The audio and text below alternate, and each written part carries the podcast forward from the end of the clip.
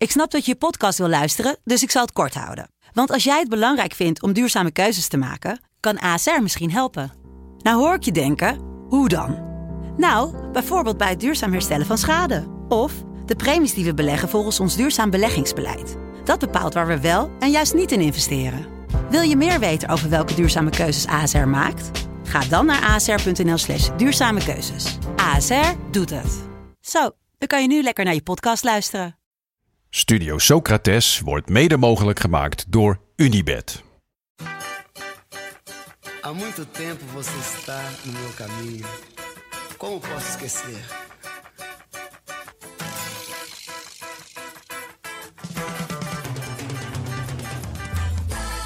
Welkom bij Studio Socrates, een podcast over alles wat voetbal mooi maakt. Met deze week een blik op de drie Europese toernooien: de Champions League, Europa League en Conference League.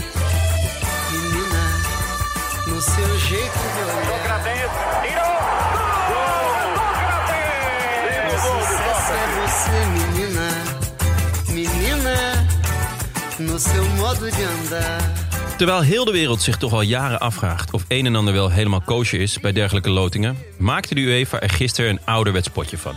Arshavin, die er immer uitzag als een jongetje van elf dat graag op zolder speelt met treintjes, haalde per abuis het verkeerde papiertje. Sorry, Jonne, sorry, mag ik je even onderbreken? We hebben eh, een, een technische mankement door een externe partij hier.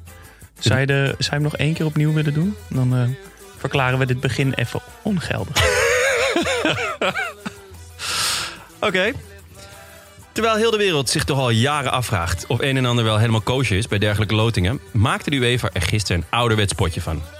Arshavin, die er immer uitzag als een jongetje van elf dat graag op zolder met treintjes speelt, haalde per abuis het verkeerde papiertje uit het verkeerde balletje. De Rus, van oudsher al niet bekend vanwege zijn warme uitstraling, trad in een lange traditie van openmaakgeklungel en had duidelijk moeite te voelen welk balletje de juiste temperatuur had. Beide Manchesters werden door elkaar gehaald en gezien de selectie en de prestaties van beide teams was dat voor de UEFA onoverkomelijk. Terug naar de tekentafel dus. Alle balletjes weer in de magnetron en Arshavin mocht, evenals twee andere mannetjes in pak, zijn ongemak nog eens tentoonstellen. En wat bleek? Zijn topsportmentaliteit had de tand destijds goed doorstaan. Want met ervaring van eerder op de dag wist hij de loting toch tot een goed einde te brengen. Dat Andrei niet goed is met warme balletjes is overigens niet alleen maar slecht.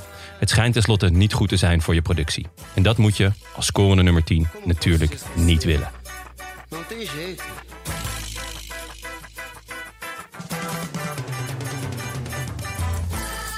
Waar was hij beter in? In eh zelf voetballen of in de loting verrichten? Nou, toch zelf voetballen. Ja? Ik, eh, ik was toch wel echt fan van hem. Eh, we gaan het straks uitgebreid over hem hebben. Ehm, maar de, de- een van de mooiste wedstrijden die hij speelde... eh, was natuurlijk die, eh, die tegen Liverpool. 4-4. Vier keer Arshavin. En, eh, maar de, de, me- de wedstrijd die bij mij gelijk in, het, in, het, in, het, in, in, in mijn geheugen komt... is die tegen Nederlands elftal. Tuurlijk was het ontzettend pijnlijk. Maar hoe hij vrijliep zonder te bewegen... dat is echt mij nog steeds een raadsel. Hoe hij dat nou precies doet. Hij heeft ook bij de loting volgens mij ook amper bewogen. Hij zat er, stond er echt een zak hooi. Ja, hij ziet er ook uit als een soort... Nou ja, goed. Een, eh, een elfjarig jochie dat, dat met treintjes speelt op zolder. Beetje, eh, hij was iets dikker geworden. Maar had ook een pak aan dat... dat ja, het zat hem niet. Dat moet hij niet doen. Nee, ik snap ook niet dat hij niet gewoon lekker trainingspakje aandoet. Ja, hij, maar hij, hij ziet er gewoon echt al jaren precies hetzelfde uit. Ja. Zijn haar was iets beter in model. Dat heeft wel eens wat warriger gezeten. Wat, wat piekiger. Ik, het viel me ook op tijdens de loting dat hij een beetje dikke vingertjes had. Ik weet niet of hij dat vroeger, vroeger tijdens het voetballen had. Uh, maar ik was, blij, ik, was, was blij om hem weer te zien. Ja, ik ook. Ja, want het is, eh, hij is in Rusland echt een grote ster. Altijd eh, geweest. Ook echt een tijd lang eh, natuurlijk Russisch hoop in bange dagen. En ook eigenlijk Rusland best veel gebracht. De UEFA Cup natuurlijk met, eh met Zenit. En eh, een paar keer eh, nou ja, dus be- best speler van de competitie. En dus dat, dat fenomenale EK waar ze de halve finale haalden. Eigenlijk de laatste goede prestatie van Rusland. Internationaal. Leuk. Nou, we gaan het er straks uitgebreid over hebben. Zeker. Allereerst, eh, hoe, hoe is het met jullie? Goed, inmiddels. Maar ik moest eh, wel even bijkomen van dit weekend. Pak slaag gehad? Nou, ik heb gewoon twee Jantjes gekregen op de PlayStation 5. Jantjes wil zeggen dat je met drie Ja. doelpunten verschil verliest. En dan Ja. is de wedstrijd ook meteen... Ja, ik zal het even uitleggen. Ik was vrijdag ehm, bij, eh, een jongen thuis met wat vrienden. Ik had hem lang niet gezien. En eh, hij had opeens een PlayStation 5 thuis. en na een aantal biertjes zei hij... Ja, weet je, we, we kunnen niet hier zo chillen... en dan niet even, even gaan spelen. Ja. Ik zeg, nou, je hebt ook gelijk ook. Zeker niet na onze aflevering van eh, twee, drie weken Inderdaad. geleden. Nou, dus FIFA, ik denk, nou, niet echt mijn spel. eh, Weet je, we zijn meer van PES, dat weten jullie inmiddels. Maar oké, kom maar op. Weet je, ik was vroeger wel echt goed. Ik dacht, nou, dat, ja, Dat, dat kan niet roesten. nee, Nee. dat kan niet roesten. Nee. Nou, ik krijg gewoon één Jantje. Ik denk, nou, het kan, ge- kan Maar gebeuren. echt 3-0 uh, wedstrijd Nee, 4-1. 4-1 wel. 4-1. Maar wel wedstrijd afgelopen. Je kan niet doorspelen met een Jantje. Oké. En ik krijg hem daarna gewoon nog een keer. En het is een jongen die gewoon niet kan voetballen zelf. Ja, dat is frustrerend, hè? Heel Dat frustrerend. is frustrerend, ja. En ja, ik snapte er gewoon helemaal niks meer van. Ik, weet je, die besturing, eh, ik kreeg het niet meer voor elkaar. Het is echt afgelopen. ik, kan het, je je ik, oud? Je wordt oud, ja. nou, ik kan het gewoon officieel niet meer. De, de FIFA. Het is echt vergane glorie. Heb je hem uitgedaagd voor een potje op straat? Nou, daar, kijk, dat is dan ook weer lullig. Dat, ja. Ja. dat, Ja, hij dat is weet te dat. makkelijk. Dat is te makkelijk. Dat is echt te makkelijk. Maar ik, het voelde niet goed. Het, het, het, het voelt niet goed dat deze tijd voorbij is. Dat ik nog, eh, dat ik de, degene was die Jantjes uitdeelde. Maar ik heb hem gewoon opgepakt, hoor, op de Switch.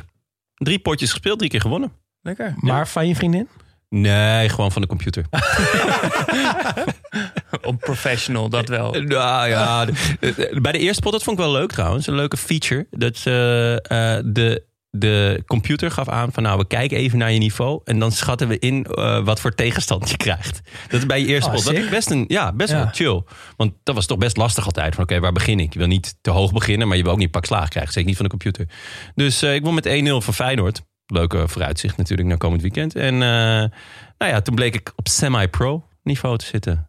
Nou Jas, eh, we horen het wel hè, wanneer die echt tegenstand wilt. Ja, nou ja, jullie zijn welkom hoor. Ehm, Hoe is het met jou, Jas? nou goed, ik eh, had een lekker weekend. Ja? Ja, daar, eh, ja, eh, eindelijk weer eens even een rustig weekend. Dus ik voel me helemaal opgeladen voor vandaag. Lekker, lekker. Wat, Dus- heb, je, ge- wat heb je gezien eh, dit weekend dan? Ehm, nou, ik heb, Of heb je Eh, een momentje van daarvoor nog? Nou, ik heb eigenlijk een momentje van daarvoor, ja. Dit weekend waren er voor mij niet... Ik heb niet echt hoogtepunten gezien. Heel veel 0-0's dit weekend. Ja, het was... De brilstand. Ik bedoel, het was natuurlijk gewoon lekker voetbal kijken. Ehm, maar ik heb genoten van iets wat... Nou, eigenlijk nou niet iets is wat in deze podcast past. Want we zeggen, we maken een podcast over alles wat voetbal mooi maakt. Maar ik heb heel erg genoten van meerdere keren vechten bij Porto tegen Atletico Madrid. Ja, maar vechten maakt het toch ook af en toe wel mooi. Ja, er precies, Zit, er zit toch ook wel iets, iets, iets tragicomisch in of zo. Zeker, ja. Je ziet dat ze... Het wordt een beetje lullig inderdaad ook, omdat ze zich zo laten gaan. Maar ik denk dat de kleine frustratie en ergernissen en irritaties... dat is, dat is irritant, dat sarren. Ja. Maar als ze dan opeens all-out allemaal gewoon echt gaan vechten... Dan, dan wordt het toch wel weer lekker. Ja, maar, ja, en bovendien is het altijd een beetje dat droevige vechten met de handrem erop. Want je weet Ja. ook, je wil niet tegen een schorsing van, van negen wedstrijden aanlopen. Dus het is een beetje zoals vroeger in, eh, had je altijd wel een vriend die zei... hou me tegen, hou me tegen. en dan, ja, nee. Als jij, als jij wil prima. Maar ik ga je niet tegenhouden, maar ik ga ook niet meedoen. Eh, en dat heb ik altijd wel een beetje het idee bij dit soort opstootjes. Van, hou me tegen, hou me tegen. Ja, maar dan wel bij wel twee ploegen die dit echt goed kunnen. Ja, Toch? Ja. Porto aan de ene kant met Pepe. En dan Ja. aan de andere kant gewoon het hele Atletico. Die, gewoon allemaal. Gewoon allemaal tegen de hele soepie tegen. tegen Ja, ik vond dat echt. eh, ik, ja, omdat het echt is, het liet zich Ja. wel echt gaan. Er was echt hard Klopt. vechten, duwen, strekken. Ja, en als je vallen. twee teams wilt zien vechten tegen elkaar, dan zijn het ook wel deze twee. Ja, Ja, en we hadden het vorige, vorige eh, aflevering ook getipt als zo'n lekkere vechtwedstrijd. Eh, dus dat kwam, eh, Ik vind- kwam mooi uit. Ik vind wel, ik zat het ook te kijken. En toen dacht ik, zeker er is veel consternatie. En je kan natuurlijk niet een echte tik uitdelen. Want dan word je inderdaad gewoon geschorst. Maar wat je dus, het, iedereen staat wel heel dicht op elkaar. Dus dan moet je echt die valse dingen doen. Om toch de ander uit dus echt zo vastpakken en dan zo knijpen. Gewoon vol knijpen. Of op Ja, iemands teen want- gaan staan. Zo met je, met, je, met je nop of zo. Ja, op beeld weet je natuurlijk, kan je natuurlijk niet zo goed zien hoe hard iemand knijpt. Dus dat Nee, is nee, daarom. slimmer. Ja, daarom. Dus je moet, je moet in de consternatie, je moet gebruik maken van de consternatie. En dan vol op die teen. Of even knijpen en een je beetje dat dat draaien. het beste doet? Simone. Simone. Ja, nee, gewoon, eh, eh, ja, Peppe natuurlijk. Die, dat is toch gewoon... Ja, denk je niet dat hij te lomp is? Dat er niet iemand is die dat stiekem Jawel, jawel, hij is ook slim hoor. Hij is ook Ja, niet... eh, ja. Waarschijnlijk missen we gewoon meer dan de helft van wat hij allemaal doet. Ja, ja dat, denk, dat denk ik echt. Heerlijk. Nou, waar hebben jullie van genoten deze week? Nou, de- laten we eh, beginnen met, met iets kolderieks. Eh, ik zat eh, ja, eh, de, de Conference League kijken. Althans, ik, ik- ja, eh, er kwamen in ieder geval beelden door van de Conference League. Eh, een potje, volgens mij Partizan Belgrado tegen Anastosis van Magusta. Gok ik? De- Ja, ja, heb ik ook gezien. En eh, het, was, eh, eh, het was natuurlijk al een troosteloos decor. eh, eh, want geen publiek. En, eh, en toen was tijdens En de warming-up... Partizan Belgrado Ja. tegen Anastosis van Magusta. Inderdaad. En toen zat er gewoon in de warming-up... zag je zo'n rondo. Zat er gewoon een hond te scheiden op het veld. gewoon ook niet even snel of zo... maar gewoon echt uitgebreid. En er werd ook zo ingezoomd van... ja, ook, ook dit is de Conference League, weet je? Gewoon scheid aan alles. En toen moest ik ook gelijk denken aan vroeger. Want wij voetbalden vroeger op het veldje in de, in de straat. En dan was het echt, ja, je wist ook... daar worden ook gewoon honden uitgelaten. En dan als je... Want het was gewoon echt op gras. En dan gewoon, ja, dan stapt hij zo vol erin. En dan was, ah, kut. En En dan had je dan noppen aan? nee, nee, nee, maar gewoon mijn, mijn schoenen wel met profiel. En dan moest je zo naar de zijkant lopen en dat eruit gaan halen met een takje of weet ik veel wat. En dan zag je iedereen weer doorvoetballen, behalve dan jij. En dan soms nog iemand anders die er ook in was. Zo gaar. Maar wie, eh, wie kwam met het eh honden opruimzakje dan? Dat heb ik niet De gezien. rechtsback? Was het zijn hond? Of, eh? Heb ik niet gezien. Wie de, ja, er moet inderdaad iemand moet het opruimen. Ja. Sowieso de grensrechter. Ja. En ehm, nou, dan nog wel echt iets moois. En daar ging mijn hart natuurlijk sneller van kloppen. Eh, hebben jullie de goal van Arsenal gezien? Lacazette. Zo, de knetter. Het was ehm, eh, nou, een goal van, van Arsenal. Het begint achterin. En eh, ze bouwen van achteruit op. En het begint met een beetje moeilijke kaats op de keeper. En ik zat de samenvatting te kijken op eh, Match of the Day. Dus ik dacht, oef, daar gaan we. Maar in plaats daarvan draait de keeper open. Speelt hem op de rechtsback. Rechtsback speelt hem in op eh, eh, centrale middenvelder. Die kaatst op de rechtsbuiten. Die kaatst nog een keer terug, krijgt hem weer terug. Zakker rent door. Legt hem terug op Lacazette. En die schiet hem dus snoeihard binnen. Maar volledig gecontroleerd met zijn binnenkant. En het was bijna allemaal één keer raken. En het was bij de BBC zeiden ze... Arsene Wenger would have been purring over that. En toen dacht ik, ja, dat klopt, ja. Dat wil je dan ook horen. Ja, inderdaad. En toen ging ik ook wel weer gelijk een beetje in de nostalgische weemoedstand. Want ik snapte wel dat ze Arsène Wenger ontsloegen. Maar laten we wel wezen, het is er niet beter op geworden allemaal. Niet En- beter, niet leuker. Niet, niet beter, niet leuker. En dan heb je ook nog eens niet eens echt een, ja, eh, een, een, een clubicoon of zo, weet je wel. Het is nu een club zoals alle anderen. Maar ik vind het wel vet, die Lacazette. Ik vind dat toch, ik vind dat zo'n lekkere spits. Ik ook, maar en ik precies omdat hij hem zo afmaakt. Ja, maar waarom speelt hij nooit? Nou ja, ze hebben Aubameyang nu eh, disciplinair geschorst. Ja, Dus ik denk dat, hij, dat we de komende weken van hem kunnen genieten. lekker. Ja, ik ben benieuwd. En jij, Daantje, had je nog, eh, nog wat moois gezien? Ja, Berardi was er weer. Lekker. Kijk, we hebben gewoon een paar constanten in deze podcast. En eh Berardi is er één van. Eh, Sassuolo, Sassuolo speelde thuis tegen Lazio. Eh, en ze wonnen met 2-1. Berardi een goal en een assist. En die goal en assist begonnen gewoon precies hetzelfde. Namelijk rechtsbuiten, bal aan de linkervoet. Naar binnen, naar binnen, naar binnen, naar binnen. Zijn goal, hij curft hem zo de lange hoek in.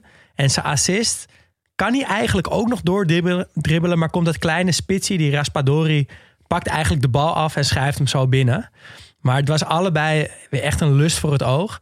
En ja, ik ben scherp op hem, zoals altijd, maar nu nog meer, want ik heb nog een verlaat verjaardagscadeautje te goed, namelijk een Berardi shirt van Italië. Oh, En die van zou van eh Rafael en Berend en Ah. Jeff, geloof ik. En die zou eh, en Marlon. ehm, die zou in december, luisteren. in december binnenkomen. Dus ja, elke ochtend eh, loop ik toch even naar beneden of hij er al ligt. Maar nog niet. Oh, vet. Maar ik, ja, hij, eh, hij zit in mijn systeem. Lekker. En Sassuolo trouwens ook wel echt leuk om te volgen dit jaar. Want ze winnen van bijna alle grote ploegen. Eh Juve, Lazio, AC Milan bijvoorbeeld. Maar ze verliezen van alle kleintjes. Of spelen gelijk. Eh, dus dat is echt een leuk team om, eh, om een beetje te volgen. Ja, vet. Ja, heerlijke goal ook. Echt Prachtig. mooi afgemaakt, zeker. Dan gaan we naar eh Klaboe. Eh, ze ontwerpen en verkopen sportkleding. En met de opbrengst daarvan worden sportclubs in vluchtelingenkampen gestart. En de slagzin van Klaboe is de Unbeatable Spirit. En wij kiezen elke week een speler die voor volgens ons die spirit heeft. En dat was deze week geheel in thema. Namelijk degene die de loting bij de Conference League verzorgde. Lorik Kana. Geboren in Kosovo. In, eh, tenminste, geboren in Joegoslavië, wat nu Kosovo is. Hij vluchtte met zijn ouders eh, in de oorlog naar Zwitserland. Ging daar voetballen bij Lausanne. Werd al snel opgemerkt. Mocht naar Arsenal. Kreeg geen visum. Daardoor eh, bleef hij, eh, ging hij naar Frankrijk. Ehm, debuteerde bij Paris Saint-Germain. Ging daarna naar Marseille, Sunderland, Galatasaray, Lazio en Nantes. Heerlijk rijtje clubs. Ja, Prachtige Ja. carrière. ja. Want wel ook de top, maar ook lekker cult. Ik zat er ook van te smullen. Bijna 100 interlands ook voor Albanië. Record International. Ja. Ehm, een echte gentleman. Mooie, verzorgde, knappe man. Ook wel mooie techniek, maar keihard. Enorme werker, bikkelharde verdediger. Enorme vechtersmentaliteit. Bij Sunderland was het dan ook een echte publiekslieveling. En er werd, het gerucht ging dat hij een draaideur kon dichtslaan. Zo sterk was hij. Dat is de legende bij... eh, Dat is wel een heerlijke Sunderland. legende, ja. en volgens eh Loriek was hij was de enige die sterker was in de Premier League, eh, Emile Heskey. Oh, dat is ook niet Daar mag je het van verliezen. Mag je Ja. het van eh, verliezen. Maar de reden waarom hij nu in ons uh, team is, is dat hij ambassadeur is voor, I- voor UNICEF. Natuurlijk ook vanwege zijn vluchtelingenverleden. Ehm, en hij doneerde al meerdere keren aan SOS Kinderdorpen in Albanië. Daar is hij heel erg bij betrokken. Hij zet zich ook in voor het herstel van de Albanese cultuur. Zo betaalde hij 20.000 euro aan een Italiaanse kunstverzamelaar... om een van de beroemdste Albanese beelden terug naar huis te krijgen. Mooi. En hij is oprichter van de Lorik Kana Foundation, waarmee hij zich inzet om kinderen te laten sporten en naar school te laten gaan in Albanië. Toch mooi dat, dat we... De, ik was hem helemaal vergeten Ja. en ik zag hem die loting doen en ik dacht... Wie is dit ook alweer? Ja, ja. En toen noemden ze zijn naam en toen ging er ergens wel een lampje branden, maar toch nog niet helemaal. En toen ik dat rijtje club zag, toen, eh, toen dacht ik, oh ja, dat is deze, deze gozer. En ja, past perfect bij, eh bij Klaboe ook. En zag ik nou dat de klaboe-shirtjes eh, binnen zijn, eh, Ja, Jas? klopt. Ik ben ze helemaal vergeten mee te nemen, bedenk ik me net. Dat is jammer, want Ja. ik heb geen shirt aan. is gelogen, is gelogen, allemaal gelogen. Maar vertel. Ja, we hebben, we hebben Klaboe shirts. Eh Klaboe is zo lief geweest. Of tenminste, ja, we, we, we, we noemen werken samen met elke week. ja. De, we, we hebben een samenwerking. En in ruil daarvoor kregen wij onze echte eigen Socrates Klaboe shirts. Met ons logo mooi op de borst. Ehm, we hebben er al eentje verloot. Ehm, dat gaan we binnenkort weer doen. En jij krijgt er sowieso ook een, eh jongen. Lekker, Jij hij is ook, mooi eh, Daan. gekleurd. Hij is mooi gekleurd. Ik denk dat jij me Geel jou wel kan bevallen. Geel-groen, maar dan niet lelijk zoals bij ADO. En ons logo staat erop. Ja, ja, ja Heel zeker. belangrijk. Binnenkort Neem, eh, ja. verloten er weer. Inderdaad. Eentje. En neem dus een kijkje op klaboe.org of Instagram via de Klaboe en steun dit eh, sympathieke en mooie merk. Dan deze week, boys. Wat is het thema? Ja, het thema is maar natuurlijk vanwege de loting van afgelopen maandag voor de Champions League, Europa League en Conference League. Ja. We gaan vooruitblikken en het hebben over de loting en over de toernooien. Ja. Als alles goed gaat, hè? Als we niet een technical difficulty hebben door een external party. Toch? Die je hadden weet, we al. Je weet het maar nooit. maar ja, waar, is dit iets wat voetbal mooi maakt? Hè? Dat, dat vragen we onszelf dan toch altijd af. En ja, ik vind dus van wel. Want je hebt het voorgerecht gehad met, eh, met de groepsfase van die toernooien. En het hoofdgerecht wacht. Ja. En die loting hoort daarbij. En in al zijn lelijkheid met die FIFA-officials die dat doen. En ja, zo'n vaak toch een beetje B-garnituur oud profvoetballer die die loting doet. Hij krijgt nooit die balletjes over. Is het toch iets heel moois? Want je zou kunnen zeggen, ja, waarom, waarom doen mensen dit door? Waar, weet je, waarom Ja. is er geen supercomputer die die loting even binnen een seconde doet? Maar ja, dat zou dus heel saai zijn. En dan weet je niet zeker of het eerlijk gebeurt. Nou weet je dat natuurlijk ook niet. nee, bij de FIFA en UEFA weet je dat nooit. Nee. Maar die knulligheid, dat vind ik gewoon heerlijk om te aanschouwen. Dus ik heb ook gewoon eh, ja, drie uur lang met een schuin oog al die lotingen zitten kijken. Nou, en je werd verwend. Ja, want we hadden dit thema bedacht al vorige week. Ja. We dachten, die loting komt eraan. Zin Lekker. in. En toen werd het een van de meest memorabele lotings aller tijden. Ja, want ja, dat, dat wisten we natuurlijk niet toen we begonnen. Maar om 12 uur eh, trapte de UEFA af met de Champions League loting. Ehm, ik had een livestreampje aanstaan en ik kreeg echt goede zin. Want je had Gewoon filmpjes van alle teams die door zijn met, met een paar hoogtepunten, lekker muziekje eronder. Je had bakkie erbij. Bakkie erbij. Inderdaad. En ik dacht, nou kom maar op met die loting. Nou, toen zag ik Pedro Pinto binnenwandelen. Wie kent hem niet? Nou, Ja. ik ken hem nog, maar Toch? ik ken hem van CNN. Van, Want dat eh, keek je altijd. Nou, ik keek CNN. Nou, nee, want hij deed daar World Sport met, eh, de beroemde, met het beroemde item Play of the Day. En dat was pre-YouTube samen met Eurogoals op maandagmiddag. Ja. Een van de weinige momenten waarop je buitenlands voetbal kon zien. Maandagmiddag heeft Eurosport ook altijd goed uitgedacht. Nou, want wanneer zitten er nou echt veel mensen voor de buis? Maandagmiddag doen we lekker die Eurogoals. Nou, ik keek het wel. Ik Ja. nam het op op videoband. Maar ik, ja, ik, eh, voor mij, ik ga- moet gelijk aan lotingen denken. Pedro Pinto is het gezicht van de loting. En het is een beetje een, ja, een, beetje een eh, rare eigenlijk. Maar ook weer niet, want hij hoort niet echt bij de UEFA en bij de FIFA. Maar hij is er wel altijd. Ja, hij, hij is hoofd of, of, of eh, assistent hoofd van de persafdeling van de UEFA. Eh, ik heb geprobeerd een sappig verhaal over hem te vinden. Ik kwam alleen niet. uit een soort hele uit bij een soort hele oude HTML-blog van hem uit 2004. Is ook wel eens lekker toch? Dat, er dat, is gewoon, eh, dat er een keer niet allemaal deurt of gekheid Ja. over iemand. Gewoon heel degelijk. Grijs, Totaal saai. Ja, en waarschijnlijk is hij daarom ook eh, betrokken bij de Ja, UEFA. Dat ze Ja. denken van, ah, we hebben één iemand nodig die, die niet helemaal onder de schandalen zit. Laten we Pedro Pinto vragen. Nou, als hij binnenloopt, dan weet je in ieder geval... Hij gaat geloot worden. Ja. nou, dan dus de vraag van ja, welke oud-prof zullen ze van stal hebben gehaald? En Ja, wie zouden ze geloot hebben om de loting te doen? ervaring leert dat het toch vaak iemand is uit de, uit de stad waar de finale wordt gespeeld. Ja. Nou, dat is dit geval, in dit geval Sint-Petersburg. Eh, of iemand die daar lang gespeeld heeft bijvoorbeeld. Dus toen dacht ik, ja, dat zal toch niet dik advocaat worden? Met die kleine vingertjes van hem. Die daar toch lang eh, een, een succestrainer was. Maar het was dus Arshavin. En dat, ja, dat was een droomkeuze. Ja. Toch? Beter kon niet. Nee, ja, heerlijk. eh, kijk, met Arshavin gaat natuurlijk een, eh, een, een, een bak aan, aan verhalen en herinneringen open. Ehm, hij, eh, hij, hij voetbalde bij, eh bij Zenit. Echt eh gigantisch eh, prestatie heeft daar geleverd. UEFA Cup gewonnen. Met advocaat trouwens. En toen, na heel veel gesteggel, eh, eh, naar Arsenal gegaan.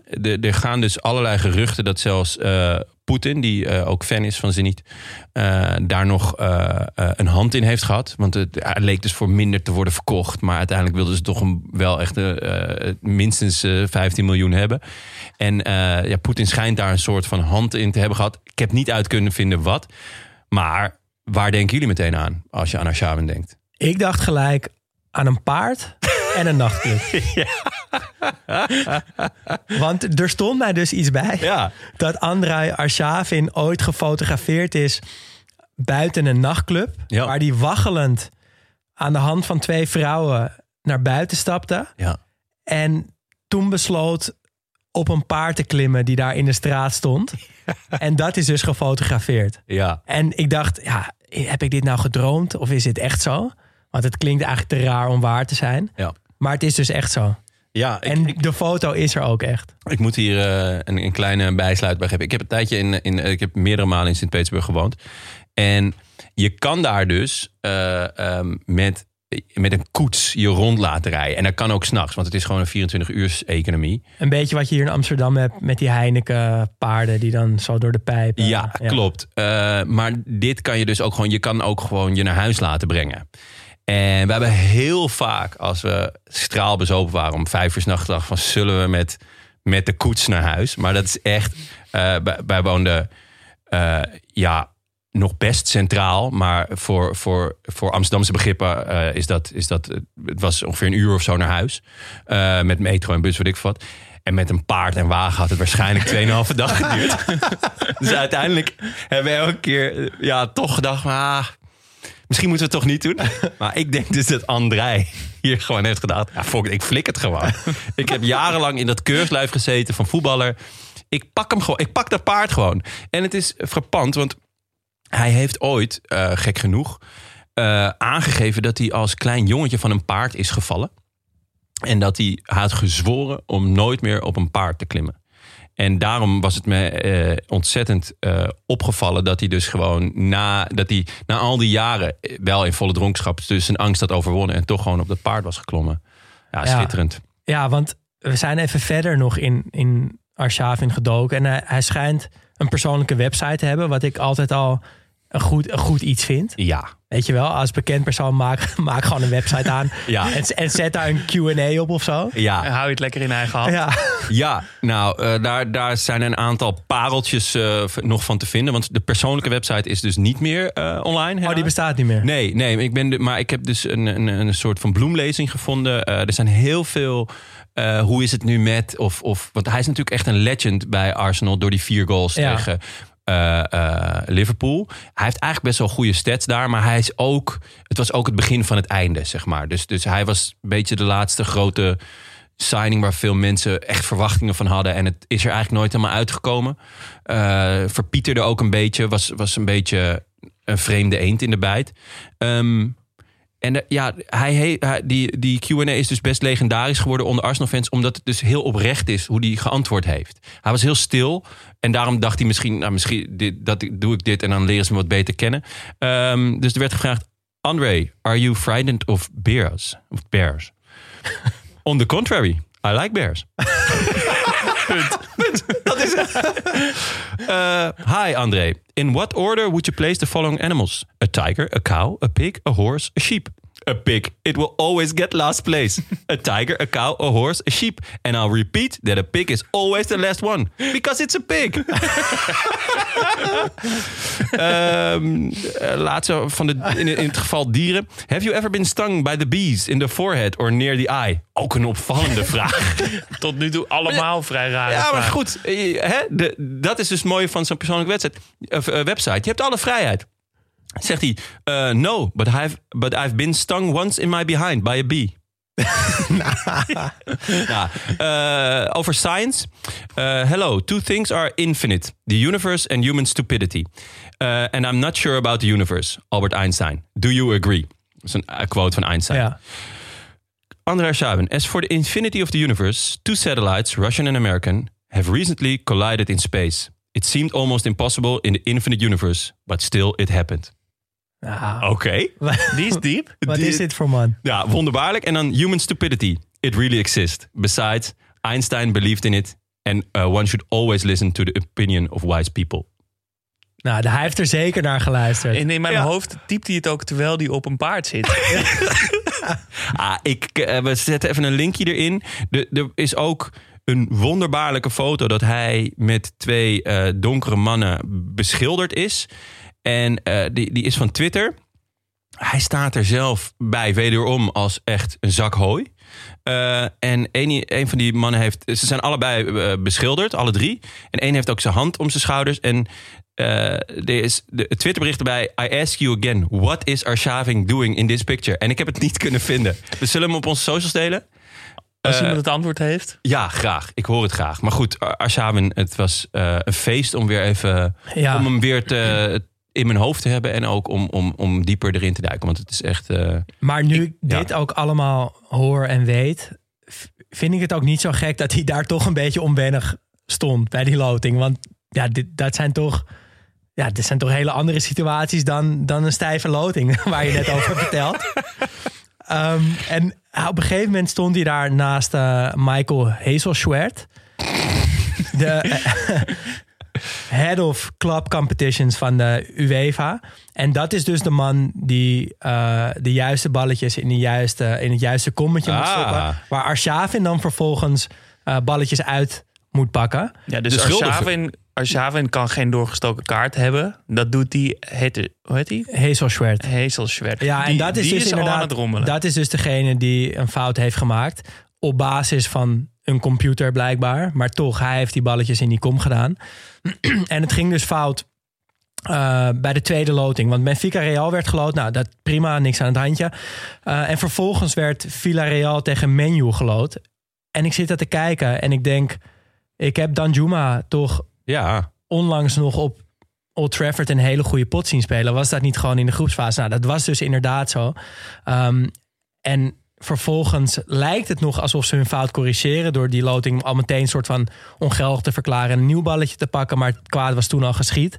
Eh, loting wel doorgegaan, maar uiteindelijk bleek... ja, dit gaat toch echt opnieuw moeten. Ja.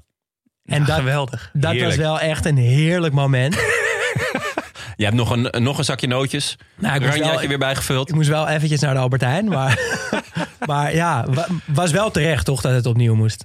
Eh, ja, Ja. absoluut. En Tuurlijk.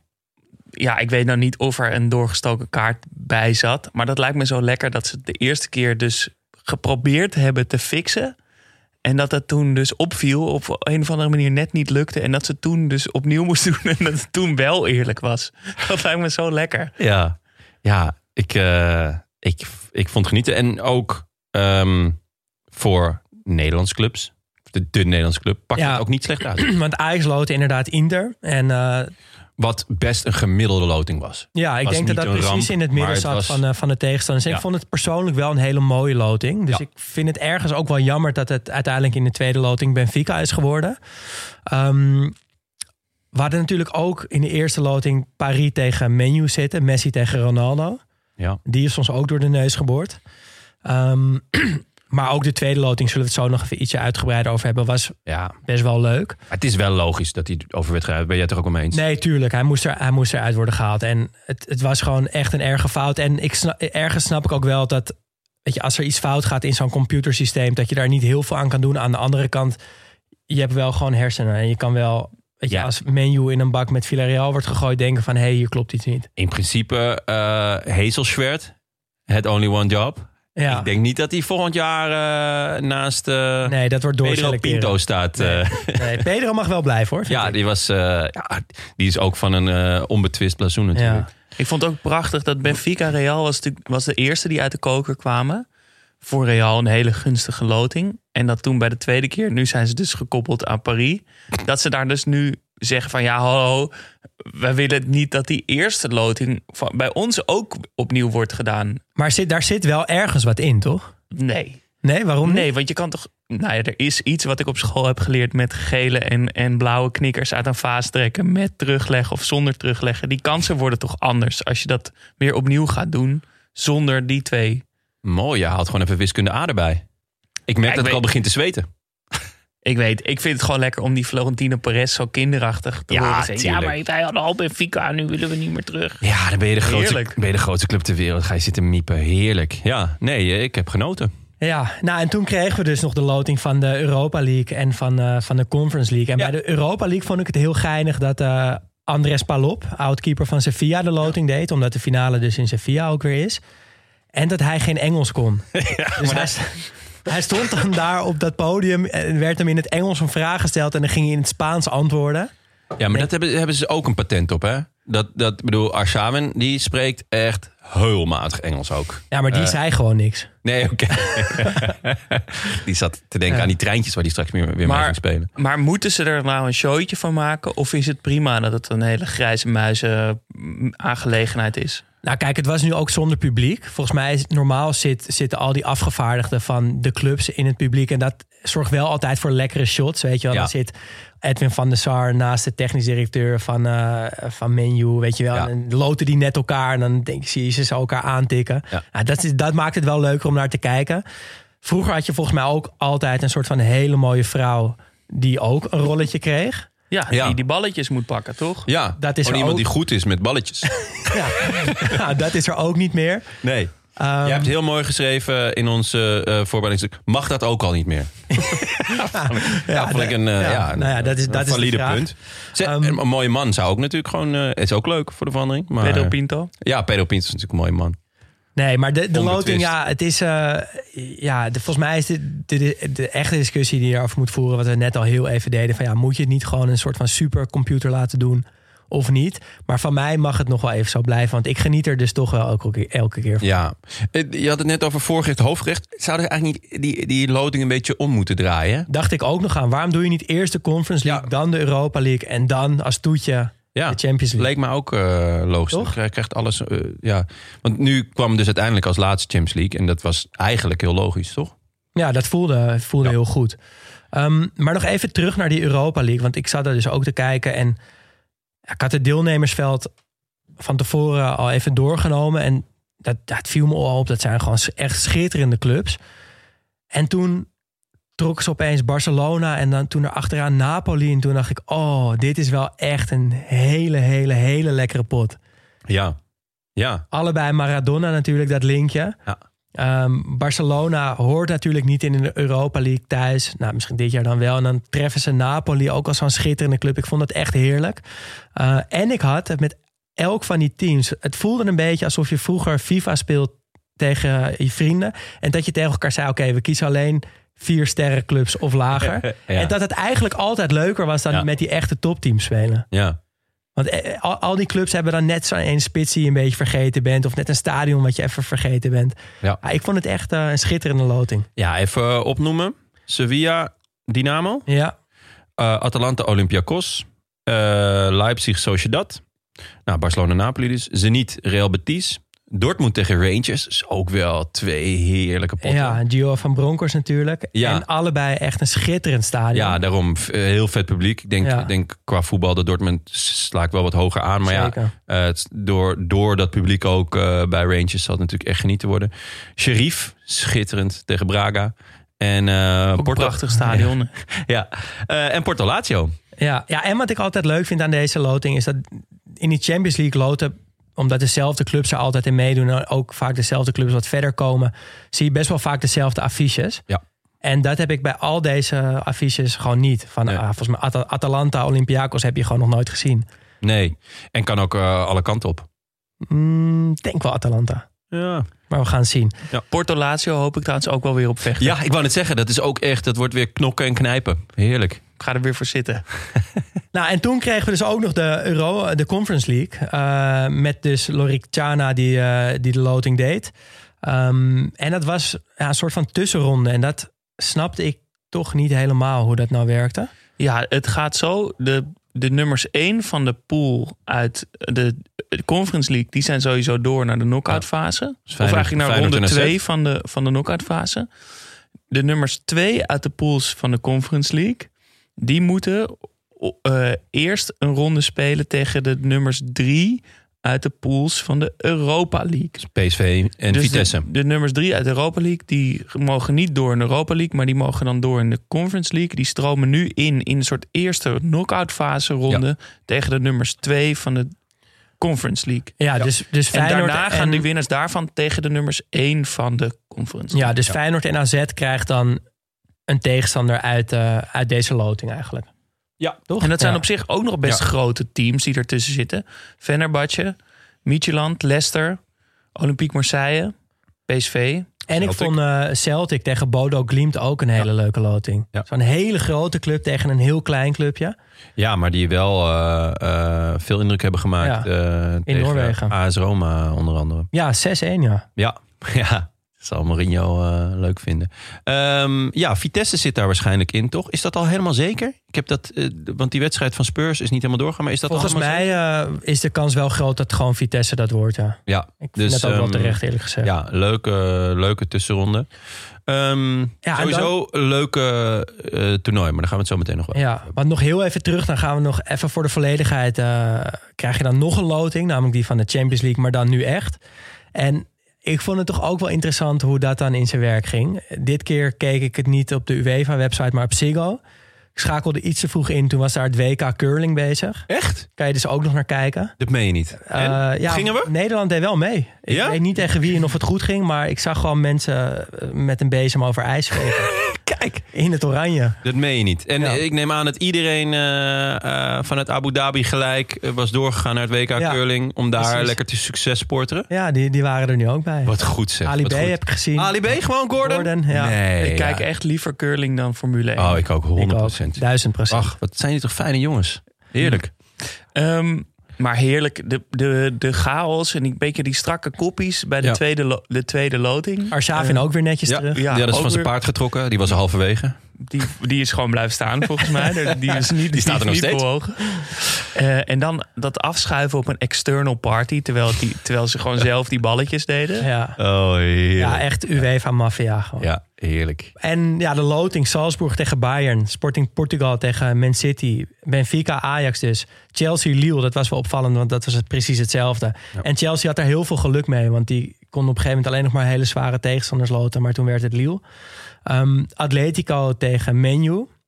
Eh, Cristiano Ronaldo natuurlijk terug in Madrid. Ja, en Atletico Madrid heeft de afgelopen tien jaar vier keer een hat moeten incasseren. Vier keer Cristiano Ronaldo. Wat een heerlijke statistiek. Dus dat, dat is lekker voor hem om die kant weer op te gaan. Eh Villarreal Juventus. eh Danjuma tegen De Licht. Leuk. Inter Liverpool vond ik ook een heel mooi affiche. Dat is ook een fijne, fijne pot. En Real PSG. En dat, dat stuurde een luisteraar in. Ik ben je naam even vergeten, sorry. Maar die zei de oude Galacticos tegen de nieuwe Galacticos. Vond ik wel ja. een mooie omschrijving. Ja. En dus Mbappé waarschijnlijk tegen zijn nieuwe club. Sergio Ramos weer terug in Madrid. Ja. Daar zijn ook veel, eh, veel verhalen over te vertellen. Maar Ja, mooi. Ik, kijk, er, zit- er gaat natuurlijk iets heel raar in dat ze heel geforceerd die loting al proberen met die, met die potten. En dat je het niet tegen de teams uit je eigen land kunnen. En, en niet in de, tegen degene met wie je in de pool zat. Ja, Al dat soort variabelen. Maar dan wel het heel random willen doen met de hand met zo'n balletje. ja. Daar, daar gaat iets heel raar mis. Dat moet toch ook handiger zijn? Ja, Toch ja. het wel dit- geforceerd dat in die bakjes doen. Hier- maar ja, maar is niet- dat dan niet gewoon inmiddels de charme. vals spelen? Ja, maar ook Ja. is dat niet gewoon omdat je dan kan vals spelen? Ja. Maar dat is dus je volgens kan- mij gewoon live wat je ziet met die potjes. Ja, jij mag tegen eentje van deze en eentje van deze. Nou ja, waar ik zelf best wel van schrok, maar ik zal straks nog een rant doen over een beschermde loting. Ik vind het. Inmiddels kunnen we toch ook wel gewoon zeggen dat. eh, waarom mogen clubs uit hetzelfde land niet tegen elkaar nu al? Want eh, als je dat niet wil, dan wil je dat toch later in het toernooi eigenlijk ook niet. Ja, het is heel Ik bedoel, we hebben toch op een gegeven moment hadden we een halve finale met drie Engelse ploegen. Of ja, de, Ik vind ook dat dat gewoon nu al moet kunnen. Ja. Het slaat echt nergens. bedoel, dat, je, dat je nog zegt van eh, hè, die nummers één gaan niet tegen andere nummers één. Dat snap ik nog, want dat is iets wat je uit het toernooi haalt. En dat je dan zegt van nou, die bij elkaar in de pool zaten ook niet. Maar dat is het dan toch gewoon. Helemaal mee eens. Helemaal mee eens. Maar goed, het ging dus fout. Ehm, maar daar, daar hangt een zweem omheen van dat het doorgestoken kaart is. Ja, je hebt, eh, er zijn genoeg je, je, voorbeelden. je hebt je, je verdiept in de warme balletjes. Ja, ik dus ben in de, eh, in de ballenknijpers versus de boxershorts. Ja, ehm, er, zijn, er zijn een heleboel momenten, maar de, de meest in het oog springende momenten waarbij het fout ging, eigenlijk bij de UEFA, bij de loting, zijn deze. In 2016 pakte Roberto Carlos een balletje, bedacht zich. Dus hij, hij pakt hem er echt uit, heeft hem in twee handen vast, wil ze gaan, wil hem opendraaien. Kijkt die man aan, volgens mij dus die UEFA-official, die kijkt ook Roberto Carlos aan en hij legt hem gewoon terug. En terwijl ze nerveus blijven lachen, pakt hij een ander balletje. Ja, het is gewoon. En, Dat is en vooral die, die nerveuze raar. lach van die UEFA-official, die spreekt boekdelen. Oh, wow. Classic. Ehm, en eh, in 2017 was het Ian Rush. En je moet natuurlijk wel eerst de, de linkergrappel doen. Op zoek naar de groene bal natuurlijk. Ja, toch? Ja, je, groen, hoort het, groen. je hoort van de zaal al groen, groen. Eh, dus je moet even die, die, Ja. rol, die rommel doen. Ja, Van een soort, ja, ja. "Rrrr", Het is deze. Maar Ian Rush deed in 2017 gewoon hop, pakte er gewoon een, pakte eentje uit. Gewoon, die ging gewoon recht op zijn doel af. Geen, geen poespas. Geen gegrabbel. Die Nee. pakte gewoon precies het balletje wat er al klaar lag voor hem. Ja. Ehm, en eh, dat klopt ook wel, want ehm, het was de halve finale Champions League. En Atletico Madrid eh loten daarin eh, Real Madrid. En zo zorgden ze ervoor dat het niet weer een Spaanse finale was. Ah, ja. Ja. Dus er was ook nog eens een duidelijk belang Ja. bij dat Real Atletico moest loten. In 2018 opende Roma de kaartverkoop tegen Liverpool smiddags voor de loting. Ehm, iedereen dacht, nou dat zou wel een, eh, een technisch foutje zijn dat die, dat die kaartverkoop al open is tegen Liverpool. Ehm, maar toen s'avonds Roma inderdaad Liverpool loten, toen gingen er toch wat alarmbellen af. En uiteindelijk was er een anonieme bron die toegaf dat er warme balletjes in het spel waren. Toch, toch warme balletjes. En Sepp Blatter heeft daarna in een interview gezegd dat er inderdaad gesjoemeld wordt met warme en koude balletjes. Bij de UEFA. Ja, en kijk- dat dat nog nooit bij de FIFA is gebeurd. Ah, Nee, want doei. er zijn maar twee mensen binnen het voetbal eh, die, die van on, onbesproken gedrag eh, zijn. Het is Pedro Pinto en Sepp Blatter. Dat zijn de twee mannen zonder enige, zonder enige schade, zeg maar. Maar ik vind het nogal wat dat Sepp Blatter dat blijkbaar heeft toegegeven. Want ik wist dat niet.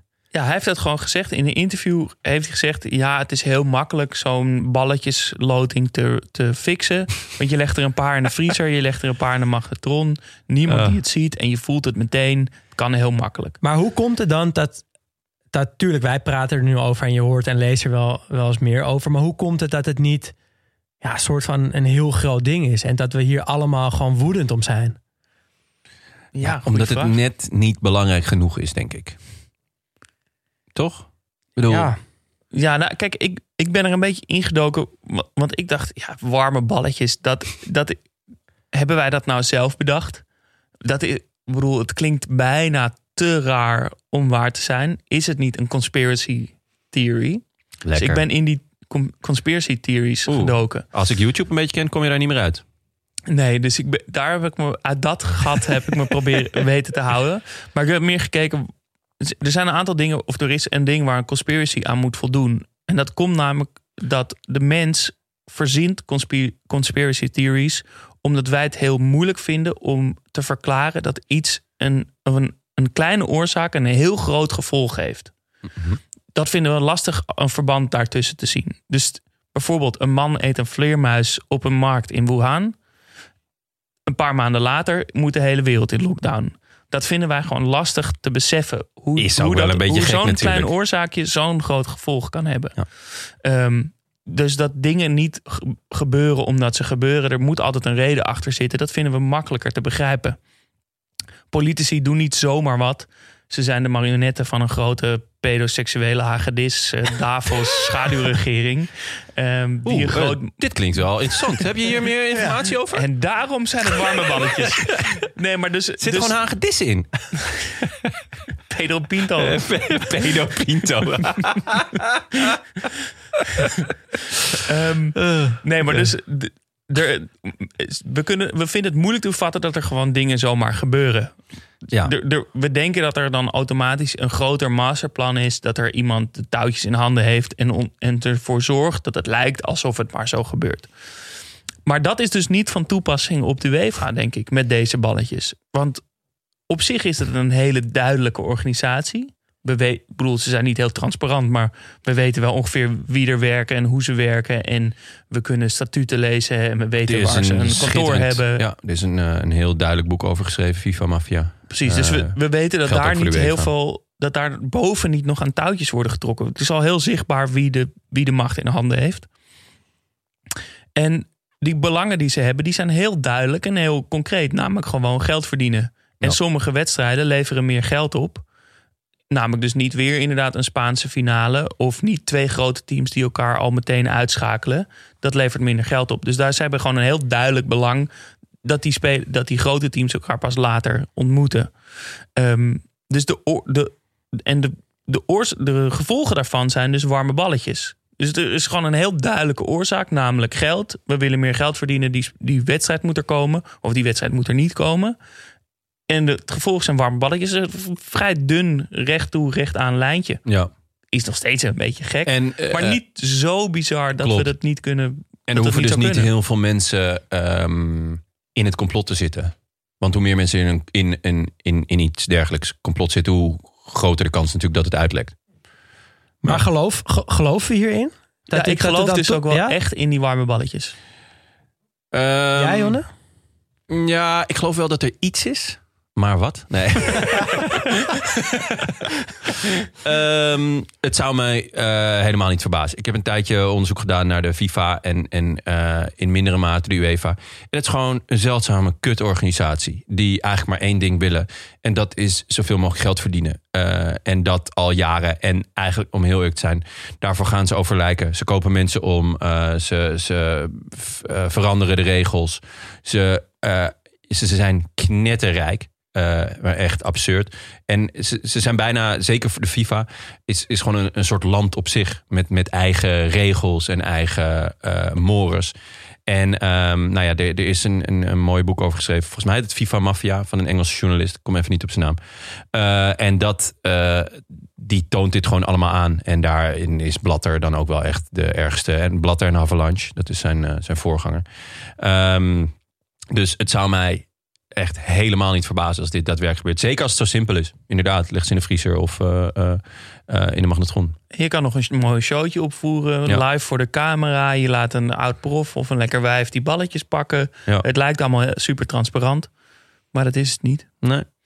Goed, Mooi. Er is Mooi dat we even die eh conspiratietheorie aantikken. Ik ben wel echt benieuwd ja, naar we kunnen het niet hierover hebben Inmiddels. zonder het over warme balletjes te hebben. Meens. Waar kijken we dan nu heel erg naar uit? Ja, ik ga toch Welk toernooi? waarschijnlijk het meest naar de Champions League kijken. Want ik vind dinsdag en woensdag ook gewoon lekkerder kijken dan donderdag. Ja. Ik weet niet of jullie dat ook Ja, hebben. maar meens. Dat is gewoon zo. En als ik niet uitkijk, zit ik per ongeluk ook nog steeds om kwart voor negen voor de buis in plaats van negen uur. Omdat ik daar nog steeds aan gewend ben. Ja. Ehm, dus ik ga wel het meest naar de Champions League kijken. Maar ik vind dus wat ik net ook al zei, dat deelnemersveld van de Europa League wel echt perfect. Dat is allemaal mooie klassieke clubs met uitzondering misschien van Leipzig. Eh, goed tegen elkaar geloot ook. Dat hebben ze heel goed gedaan met die warme en koude balletjes. en, Complimenten voor de UEFA. ja, en dan als kerst op de taart die Barcelona-Napoli. Daar kijk ik wel echt eh, heel erg naar uit. Ja, Jullie? ja ik, ik, ik wil een, een, een kort pleidooi houden voor de Conference League. Kom maar op. Eh, hoe, hoe onaangenaam, ehm, want ik ga straks een uitgebreid pleidooi houden eigenlijk over het gedrocht dat de Champions League is. Eh, vorig jaar hebben we natuurlijk die ellende gehad met de Super League. Toen is het de clubs gelukt om een nog, nog slechter systeem te bedenken, waardoor ineens de Champions League eh, toch een mooi systeem leek. De nieuwe Champions League is ook een gedrocht. Uiteindelijk gaat het daar echt ontzettend alleen maar om geld. Ehm, en dat is eigenlijk met Europa League was een beetje het lelijke eentje daarvan. En toen ineens kwamen ze dit jaar dus met die Conference League. En daar ben ik een beetje ingedoken. Ehm, de, het verschil tussen Champions League en Europa League is heel groot. Qua inkomsten, maar ook ehm, qua eh, uitzending inderdaad. Ook de dag van uitzenden. Qua maar- prestige ook wel Qua echt. prestige ontzettend. Ehm, en ook qua eh, punten die je, die je ophaalt voor, die, voor de ranking. Waar, waar toch ook wel veel van afhangt. Nou, je ziet nu Ajax komt ver, dus dan zijn er veel punten. Maar het leuke is dus dat de, het verschil tussen de Europa League en de Conference League niet zo heel groot is. Dus ehm, de clubs die daarin spelen, dat zijn toch vaak wat kleinere clubs. Maar voor hun is het echt een enorme uitkomst. Ehm, en eh, ze, ze sprokkelen daar echt goed geld mee. En dus ook best wel wat punten. Want laten we wel wezen, eh, we lopen nu al. eh, ja, ik heb inmiddels last van mijn voeten, maar we lopen dus al een tijdje de coëfficiënten Polonaise. Maar als je gewoon sec gaat kijken, als die Conference League er niet was geweest, was alleen Ajax eh, nog, nog actief geweest in Europa. En nu hebben we de, de, het beste, eh, eh, in ieder geval voor Nederland, het beste in, in jaren hebben we door, door die Conference League. En het is daardoor, ook omdat je dus best wel wat knaker ermee kan verdienen. ehm, en dus best wel wat punten. Zorgt het eindelijk voor iets wat lijkt op nivellering vanuit de bond. Eh, ik zal straks in mijn pleidooi tegen de Champions League, eh, of in ieder geval in, in, in een nieuw opzet, pleiten voor nivellering. Kijk, ik snap, belangen van de clubs is geld verdienen en dat moet zo zeker mogelijk zijn. Maar eigenlijk als voetbalbond heb je een heel ander belang. Namelijk de lange termijn dat voetbal blijft bestaan. En dat is, hoe hou je het spannend? Hoe zorg je nou dat een competitie spannend blijft? En dat geldt niet alleen voor de eh, eh, competities, de, de, de, de competities per land, maar juist als UEFA van oké, we moeten het in heel Europa moeten we het eh, leuk en spannend houden. En dat betekent dus dat we impopulaire maatregelen moeten nemen, want het, we moeten, wij moeten het opnemen als bond voor de kleine voor de kleinere clubs eigenlijk in, in Europa. En dat doen ze door middel van de, van de Conference League. Daarom vind ik het echt een sympathiek toernooi. Dus eh, ik ga het niet kijken, want het zat op donderdag. Vind ik kut. Maar eh, En eh, de Red Imps zijn eruit. de Red Imps zijn eruit. Maar dat is misschien, eh, zeg maar, voor, voor de Red Imps misschien wel goed. Want twee potjes per week zijn ze niet gewend. En eh, kijk, uiteindelijk is het belangrijkste, we must pak schaal. Eh, die, die, de competitie is het belangrijkst. En moet zij op donderdag niet ook gewoon naar hun werk? Zeker, veel jongens moesten, waren op donderdag uh, zondag toch gewoon op de Kwam het visafslag. gewoon niet helemaal goed uit. Nee, het kwam ook niet goed uit. Veel jongens konden niet. Daarom hebben ze ook eh, die eerste paar potjes eh, niet eh, goed gedaan. Maar ik zat te denken, want ik ben ook voor de Conference League. Ik vind het echt een aanwinst. En Ja. er spelen leuke clubs in. Het is gewoon echt, echt leuk om een beetje met een schuin oog te volgen.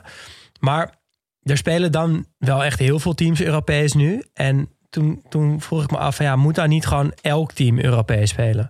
Dus dat je, ook als je 18e, 16e tot en met 18e wordt... dat je gewoon tegen nummer 16 tot met 18 uit een ander land speelt. Of sterker nog, wat Arco Gnocchi op Twitter eh, eh, zette... ehm, moet er niet ook een Europees toernooi komen voor gewoon tweede divisies? Ja, Dus dat je best geestig. Schalke of Fulham krijgt. Ja. Of Excelsior tegen Parma. Dat- ja. Het zou toch best wel vet zijn? Ja. Ja, Nou, het hoe, is hoe obscuurder, hoe romantischer. eh, ergens wel. Ehm, ik moet wel toegeven dat, dat eh, als ik de- op donderdag die Europa League heb aanstaan... en dan komt ook nog de Conference League... dan zit ik op een gegeven moment, is het half één... En dan eh, is eh, Wilfred Genant me nog steeds eh, aan, het, aan, het, aan het vertellen over... die, je ziet aan hem ook, die, die, die, die ziet door de boom het bos niet hij, meer. hij zit ook zo zijn best. Van, Ja. Na de reclame droegen heel veel goals. Er zijn Ja. dus echt veel gescoord. Met die- En een hele mooie. Ja, is- met die wallen die helemaal tot op zijn knieën en, en die, die, die kleurspoeling die begint uit te lopen, is echt zielig. Dus ja, je, je vraagt wel wie gaat het uitzenden. Maar ja, je kan natuurlijk ook, eh, hè, volgens mij Eurosport heeft op maandagmiddag, eh, die zenden geen Eurogoals meer uit. Dus die, Die hebben er nog daar een nog slot over. Ja, en hebben wij gaan het er gewoon over hebben. Ja, Nou, we zijn er bijna. dan zijn we er toch bijna. Dus ehm, ik, ik vind het op zich een geestig idee. Maar ja, dat is ook omdat ik... eh, dat hebben jullie waarschijnlijk ook wel. Ik heb heel warme herinneringen in, aan elk toernooi dat ik ooit in de zomer heb gespeeld. Ik bedoel, dat was toch een, een hoogtepunt van het jaar altijd. Aan het eind van het jaar ging je lekker die toernooitjes spelen. Heerlijk. Ja. Nou, ik heb niet veel toernooitjes gehad. Ik weet er eentje in Goorlen. En toen hadden we allemaal voedselvergiftiging van het, van het eten in de kantine. Dus toen hebben we allemaal liggen kotsen op een soort... We hadden ook een gymzaal als, eh, als slaapzaal. We lagen gewoon op gymmatjes. Het was echt verschrikkelijk. Ja, zo Oh, zo zie ik het ook voor me met Excelsior Parma. Hoor. Dat die gewoon in de Ja. gymzaal op matjes ligt. ja. Ja, Hey, lekker. leuk. Maar ja, nog heel even te kijken. Want normaal blikken we altijd dan vooruit naar, eh, naar komende weken. hè, Van welke mooie wedstrijden komen eraan. Maar misschien leuk om dat nu even te doen met, eh, ja, met de loting. Dus alle, van alle affiches die nu in de Champions League, Europa League en Conference League ge- geloot zijn. eh, naar welke kijk je nou het, het allermeeste uit? Ehm, nou, ik denk dus dat, dat Barcelona-Napoli helemaal niet zo'n hele mooie wedstrijd wordt. Want ik denk dat, dat Napoli dat gewoon heel erg gaat Ja. winnen.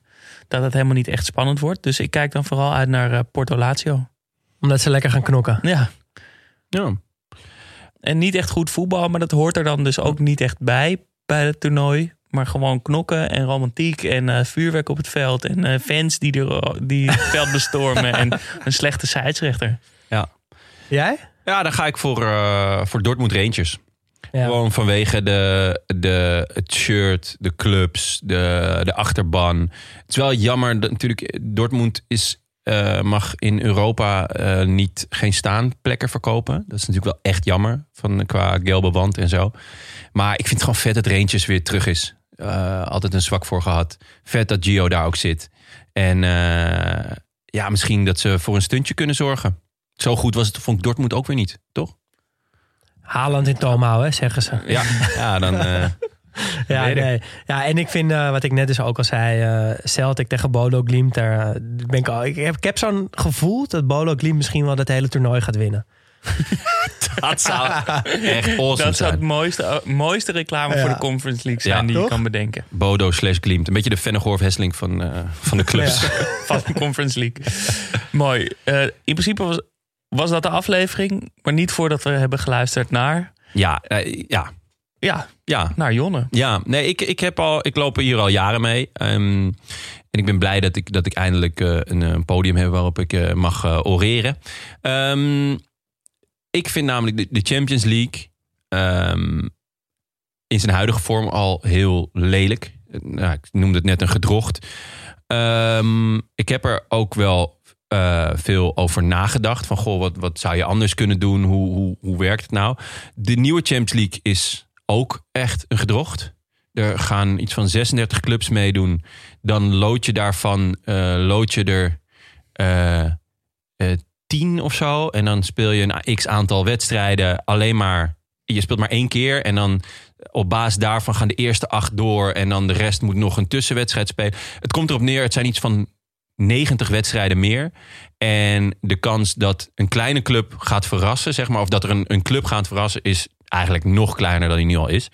Ehm, maar laat ik het eerst hebben over de, over de huidige opzet. Wat ik, wat ik er heel lelijk aan vind. En dat is namelijk. ehm, de rijke clubs worden rijker. Gaat heel veel geld in om. Het heet niet voor niets miljardenbal. En de arme clubs blijven arm. Eh, geld wordt eh, onder andere verdeeld middels de, de, de prestatiepool. Dus eh, hoe hoger je hebt gepresteerd, of beter je hebt gepresteerd de afgelopen jaren, hoe meer geld je krijgt. Dat betekent dus dat, nou, laten we Ajax nemen als voorbeeld. Die heeft goed gedaan de lo- lo- afgelopen jaren, dus krijgen ze meer geld. Stel AZ wordt kampioen, dan krijgen ze dus minder. Terwijl ze gewoon meedoen aan hetzelfde toernooi.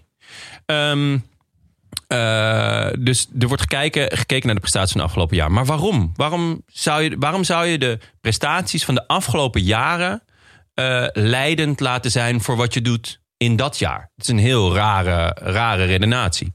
Ehm, nou, eh, de, de, de FIFA en de UEFA die, die denken toch gewoon voornamelijk aan geld verdienen voor zichzelf. Dat doen voetbalclubs ook, dat is logisch. Die, hè, die moeten voortbestaan. Die, Ehm, maar eigenlijk moeten dus de UEFA en de FIFA, dat eh, zei ik net ook al, ehm, moeten dus in de gaten houden dat, dat er geen dynastieën ontstaan. Zoals, nou ja, in de afgelopen eh, eh, tien jaar. eigenlijk altijd dezelfde clubs in de halve finale. Real Madrid, die heel vaak de Champions League wint. Daarmee wordt sport, volgens mij, per definitie oninteressant. Als je toch al weet van hé, hey, die gaat winnen of die gaat, die, die maakt groot. Dus ehm, in Amerikaanse eh, sporten zie je dus heel erg dat, ze, dat, dat de bond eh nivelleert. Lang niet alles is goed aan die Amerikaanse sporten, maar wel dat als je als laatste eindigt, dan mag je bijvoorbeeld als eerste kiezen met, met de draft en dergelijke. Dus ze doen er van alles aan om ervoor te zorgen dat niet één club altijd wint. Nou ja, ehm, dus het verschil wordt dus groter. eh, en dan krijg je dus eh, excessen als een, paar rijke clubs die overblijven. En die hebben dan voornamelijk rijke eigenaren. Dus Russen, sheiks, een enkele Amerikaan. Eigenlijk in mijn ogen is Bayern de enige uitzondering. eh, die dus door goed financieel beleid al jaren aan de top staat. En tot op zekere hoogte Real Madrid. Maar die hebben volgens mij gewoon door heel creatief boekhouden. Eh, af en toe dan verkopen ze weer een, een trainingscomplex eh, voor een, eh, een paar honderd miljoen aan de gemeente. En kopen dat dan terug voor een euro en zo. Dat soort constructies. Ehm, wat ik dus niet begrijp aan de huidige Champions League is ehm, het beschermde, de beschermde loting. Helemaal aan het begin. Dus wat, wat is vervelend aan die poolloting? Dat je, je ziet eigenlijk al wie er eerst en tweede gaan worden en wie er derde en vierde gaan worden. En dan plek drie en vier kunnen nog wel omwisselen. En plek 1 en 2 kunnen nog omwisselen. Maar eigenlijk gebeurt het nooit dat iemand waarvan je denkt: oké, die wordt derde of vierde, dat die eerste of tweede wordt. En dat is omdat het allemaal beschermd is. En dat gaat weer op basis van potindeling. Hoe heb je gepresteerd de afgelopen jaren? Maar hoe vet is het eigenlijk is het als je dat dus niet doet?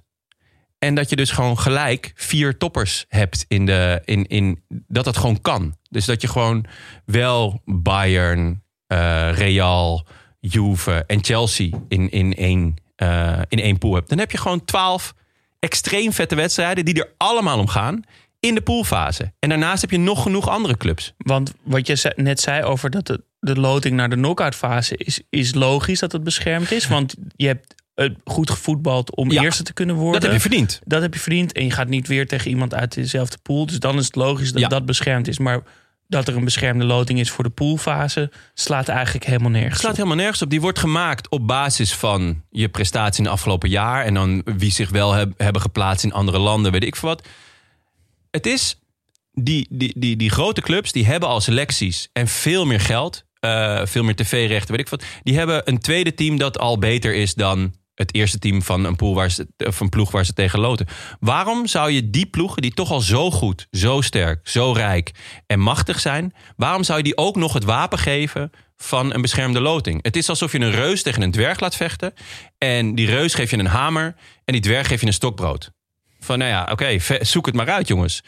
En ik, ik, ik snap dat gewoon niet uit... eh, uit, uit Maar ook vanuit, vanuit het oogpunt van de FIFA snap je het niet. Of van Nee. de UEFA snap je het niet. Want Nee. is er bij hun is er helemaal niet uit bij gebaat. Eigenlijk niet, want laten we wel wezen, de, de, de hele poolfase, nou ja, jij hebt het, o- Daan, je had het over een voorgerecht. Ja, het gaat eigenlijk niet echt ergens over. Tuurlijk gaat het voor ons ergens over, omdat we Ajax-fans zijn of PSV-fans.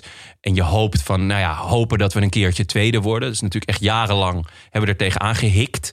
Maar we zijn ook jarenlang echt volstrekt kansloos geweest. Dat je echt, dat, dat Real Madrid kwam en dat ze met een tweede team kwamen. En dat het gewoon 4-0 werd. Omdat een omhaal. ja, inderdaad. Omdat, omdat ze zoveel rijker en zoveel beter en zoveel beter materiaal hebben. Waarom zou je ze ook nog dan dat extra voordeel geven? Nou ja, goed. Dat kan je dus eh, vrij makkelijk, denk ik, oplossen door de beschermde loting af te schaffen. Mocht je dat nou echt niet willen doen, dan kan je er ook nog voor kiezen, in mijn ogen, om het poolsysteem af te, af te schaffen. Want wat je met een poolsysteem doet, is je, je verspreidt de kans eh, dat een eh, kleine club ver komt. Omdat het in twee wedstrijden kan je best verrassen, maar over zes wedstrijden niet. Kijk naar Sheriff. Sheriff had die eerste twee wedstrijden natuurlijk fantastisch gedaan. Hij hadden geloof ik zes punten, die eerste twee potjes. Waaronder een uitwedstrijd bij Real, die ze, die ze dik wonnen. Die hadden, stel, eh, net zoals bij tennis. Dus doet, tennis doet ook nooit een poolsysteem. Maar stel, eh, Real Madrid had Sheriff geloot. Die waren dan waarschijnlijk gewoon uitgeschakeld. Dan heb je de, de verrassing van de eeuw. Eh, natuurlijk heb je altijd sympathie voor de underdog. Maar je moet het je hoeft de underdog niet per se te steunen, maar je hoeft hem ook niet tegen te werken. En dat is wat je doet met een, met een poolsysteem. Nou ja, stel je schaft het dus af en je gaat dus, naar, je gaat dus gewoon naar een heel breed systeem. Dan kan je nog steeds dezelfde ploegen toelaten. Je kan in mijn ogen ervoor kiezen om ook wat meer eh, kampioenen van kleine landen toe te laten. Omdat je daarmee ook niveleert. Je zorgt ook dat zij mee kunnen doen aan een lucratief toernooi. Waardoor ze meer geld verdienen, meer tv-rechten, betere spelers, gezondere clubs. Ehm, en dan heb ik nog, een, nog wat extreme eh, ideeën, die, die dus nog wat verder gaan. Je zou, om, om eh, de spanning helemaal hoog te laten maken, of hoog te laten worden, ehm, kunnen kiezen voor niet een uit- en thuiswedstrijd, maar gewoon voor één wedstrijd. Zoals op het WK. Dus gewoon één wedstrijd, neutraal terrein. eh, en dan gewoon voetballen maar. Ik geef toe dat het misschien eh, eh, wat, wat extreem is. Maar dat zou ik eh, ehm, met name die of de, pool, of de beschermde loting afschaffen. Of de poolfase afschaffen. Want dan heb je gewoon gelijk spanning en gelijk grote wedstrijden. En grote wedstrijden die er om gaan het hele jaar door. Dus eerlijker en spannender eigenlijk. Eerlijker en spannender. En op de lange termijn ook lucratiever voor de UEFA. Ja, ik denk het wel. Want eh, je krijgt eerder vette wedstrijden. Dus het, het, eh, ja, het, het wordt daardoor vroeger spannend. Want waarom zou je elke keer maar weer wachten tot nou ja, eh, de kwartfinale? Totdat er, totdat er daadwerkelijk eh, eh, een wedstrijd is tussen twee toppers die erom gaat. Want in de poolfase heb je best wel wat wedstrijden gehad die de, tussen twee toppers. Maar die gingen er eigenlijk nooit om. Omdat ze toch wel weten, ik word eerste of tweede. Ja, behalve dat je dan misschien een, een, een halve finale Sheriff Tiraspol tegen Bodo Glimt hebt.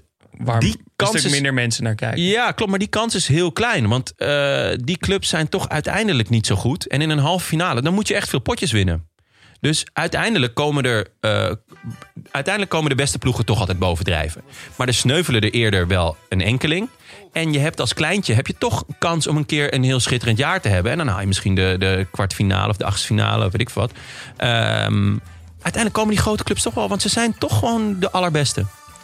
Staat genoteerd, Jonne. Dankjewel, We sturen jongens. dit eh, met een strikje eromheen eh, Fijn. door naar eh Lorieke Chana. Ja, en, en misschien leuk om. om- Mag eh, Pedro nog wel de loting doen als we het zo gaan... eh, Uiteraard, zeker. en, maar misschien, misschien zijn er wel luisteraars die, die net wat andere ideeën hebben of, of aanvullingen. Of, dan hoor ik het graag. Vind ik echt leuk. Als, als mensen hierover na hebben gedacht. En eh, eh, ja, gewoon een, een, een, een ander systeem. Stuur een mail. Naar Jonne, even. Jonne persoonlijk.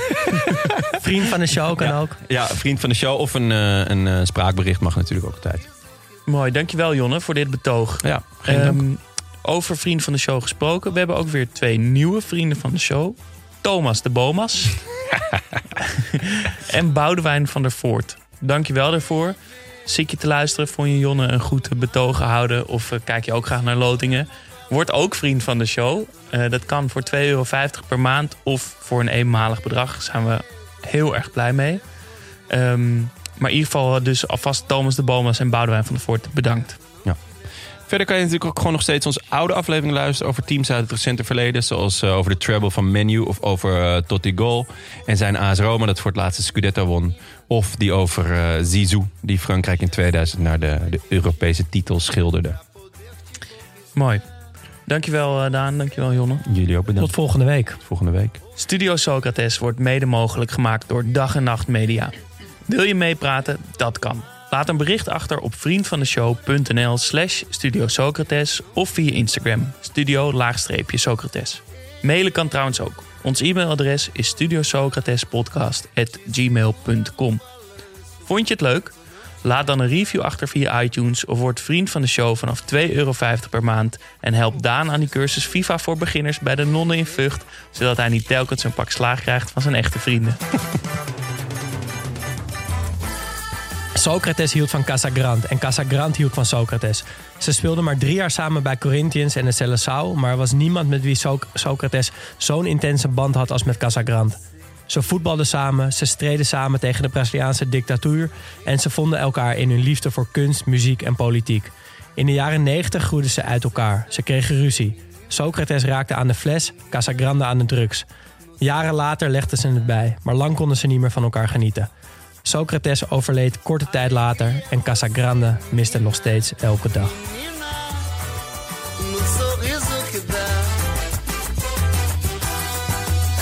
Vendaval por amor, menina, menina, todos querem te amar.